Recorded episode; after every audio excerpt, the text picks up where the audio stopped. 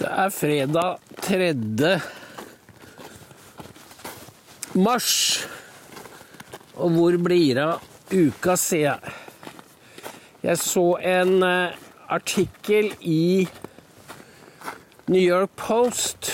Eller det begynte med en tweet, fordi jeg følger Paul Sperry, som er investigative reporter i Real Clear Investigations. Han ble jo selvfølgelig kastet ut av Twitter-sensorene og parkert for to år fordi en skarp journalist er farlig for den juntaen som har overtatt i USA. Han har kommet over korrespondanse som viser at Biden, mens han var visepresident, innledet forhandlingene som førte til den vanærende flukten fra Kabul. Biden særkjenner særmerker seg ved at han Det er ikke den løgn som er for gemen for han om Trump. Han kan si hva som helst, og ofte er det slik at det han sier om Trump, er det han selv har gjort. Fordi han la skylda på Trump for tilbaketoget fra Kabul. Men som Sperry sier, det er omvendt. Det var Biden som la grunnlaget. Føringene for denne vanærende utmarsjen. Og det går helt tilbake til jeg tror det var 2011. Fordi da var jo Biden visepresident. Og hvem hadde han som nasjonal sikkerhetsrådgiver for seg? Jo, Tony Blinken. Og Blinken Disse ville ha en slutt på krigen. Og så måtte de da forhandle med Taliban, og de stilte betingelser. Og Obama og Biden sa OK, dere skal få de fem viktigste Taliban-lederne som sitter igjen på Guantánamo. Og selv om, selv om, sikkerhetsapparatet motsatte seg da de hørte rykter om dette her, for dette var farlige folk som aldri skulle slippe ut. Og det ser du når du ser bilder av dem. Dette var de verste av de verste. Og de var Talibans ledere. Og når du setter sånne på frifot, så vet du hva du får. Men Obama og Biden de ga blaffen. For de skulle ha De skulle avslutte krigen for enhver pris. Og så søkte de da etter et påskudd. Og det var å få frigitt en amerikansk soldat som het Bergdal, som Taliban hadde. Og Obama utropte ham til krigshelt. Så viser det seg at han var ingen krigshelt, han var en desertør. Men det fikk vi vite mye senere. Det er typisk for Obama at han ljuger om en, en, handel som var da umoralsk på alle områder. Og de Det skal tjene til Leon Panettas ære at han Eller fortjeneste, han var forsvarsminister, for han sa nei til at disse fem skulle ut. Men så overtok Chuck Hagel, og han hadde ingen skrupler, så han bemyndiget sjefforhandleren i Doha, Khalil Sal, til å frigi disse fem. Og de dro da til Doha og etablerte seg i et luksuskvarter med egne SUV-er. De var vel Ja, så ikke hvem som betalte dem, men det var i hvert fall ikke Taliban. Og derfra begynte de etableringen av det nye kalifatet i Afghanistan. Dette visste jo amerikanerne, så de løy Kongressen, de løy sin egen befolkning, allierte opp i ansiktet. om hva som var i emning. For eh, Taliban hadde lovt å ikke, ikke angripe amerikanerne. Men det gjorde de, og så viser det seg at Obama og Biden hadde lovet Taliban at de skulle ikke skyte tilbake. Selv ikke når Taliban angrep. Og dette var egentlig rules of engagement som hadde, hadde rådet lenge i Afghanistan under Obama. Og førte til noen meget tragiske og blodige nederlag for amerikanerne. Fordi Obama var egentlig ikke interessert i det amerikanske militæret. Han brød seg ikke om amerikanske soldaters liv. Han eh, ofret dem uten å blunke for sine egne interesser. For det var, som Biden sa, det tar seg dårlig ut at Amerika okkuperer et islamsk land så lenge. Det var altså hensynet til islam og den islamske verden som lå bak disse avtalene. Dette er jo reinspekka landsforræderi. Disse fem de var med i forhandlingsdelegasjonen i Doha. Og flere av dem var jo med til Oslo da Anniken Huitfeldt organiserte sin herostratisk berømte forhandlingsrunde. For da het det også den gang at dette var et annet Taliban. Se her hvordan man spinner en løgn ved hjelp av et forræderi. For det er jo det det bygger på. Så har man en journalist som Jamal Wolasmal i NRK, som spinner videre på myten om at det er et moderat Taliban. Nå er den blitt veldig vanskelig å opprettholde. Men den ble brukt som et påskudd til å forhandle.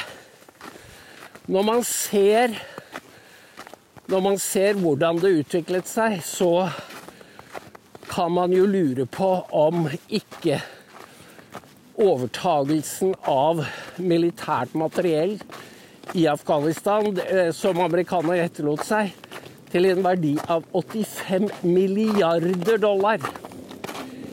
Det er helt på linje med hva Ukraina har fått. Og dette bare reiste de fra, og mye av det var våpen som ikke engang var pakket ut. Og da begynner Da begynner jo dette begrepet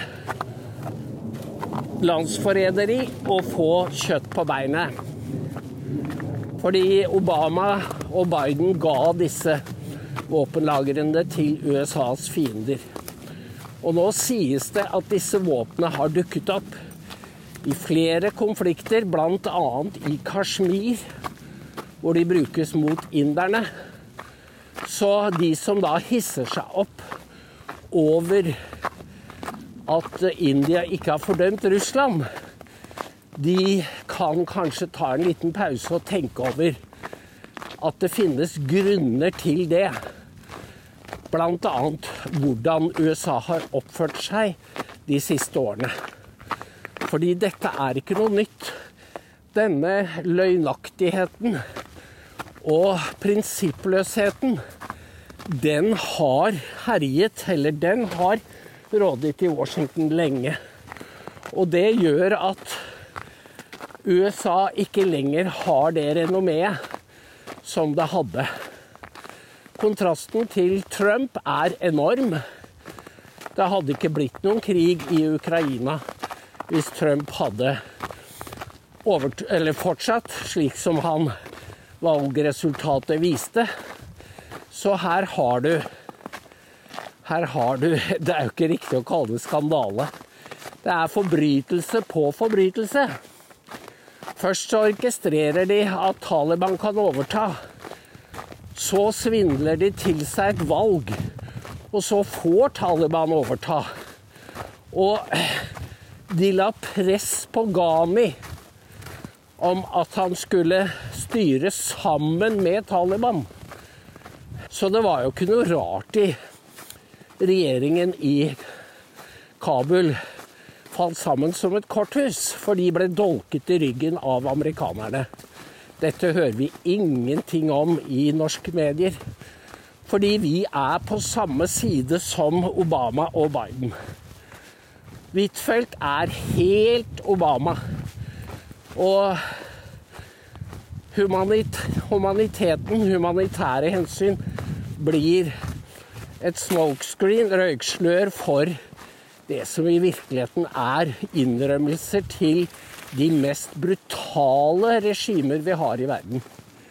Så når Huitfeldt brukte sin plass, eller Norges plass i Sikkerhetsrådet, til å fremme barns rett til skolegang i krig, så er det så på jordet at det fungerer jo som en avledning fra hva det virkelig handler om. Og disse Taliban kan jo De ler jo hele veien til banken når de har å gjøre med folk som Huitfeldt.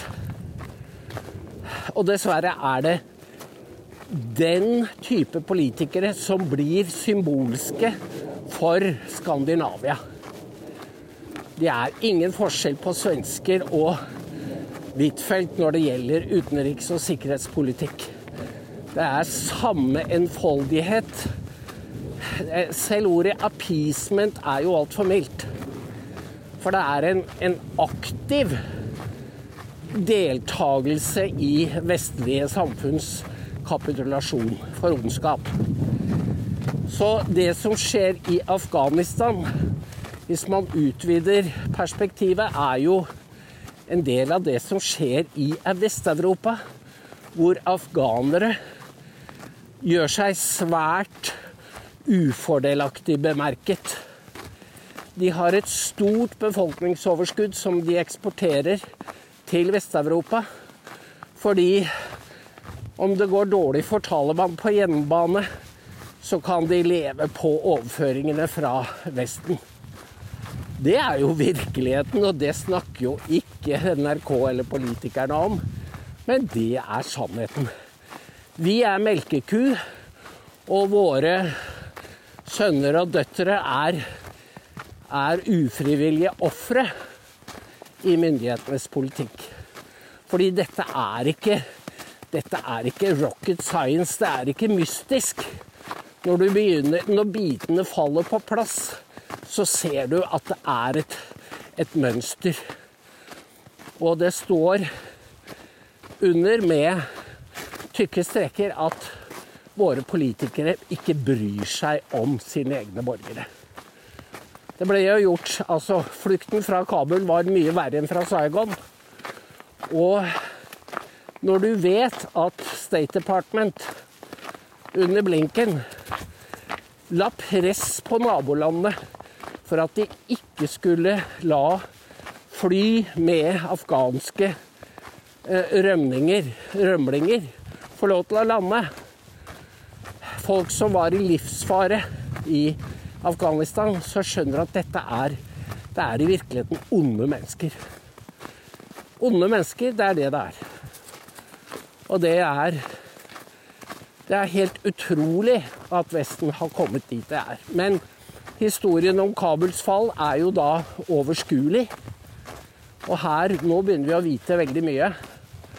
Så det som begynte med 9-11, ender med at våre ledere kapitulerer for salafisme og islamisme. Det er sannheten. Det er ikke til å tro. Og så er det nummeret til Hanne. 13629. Jeg hadde egentlig tenkt å snakke om noe helt annet i dag, men denne historien gjorde veldig inntrykk på meg. Takk for i dag.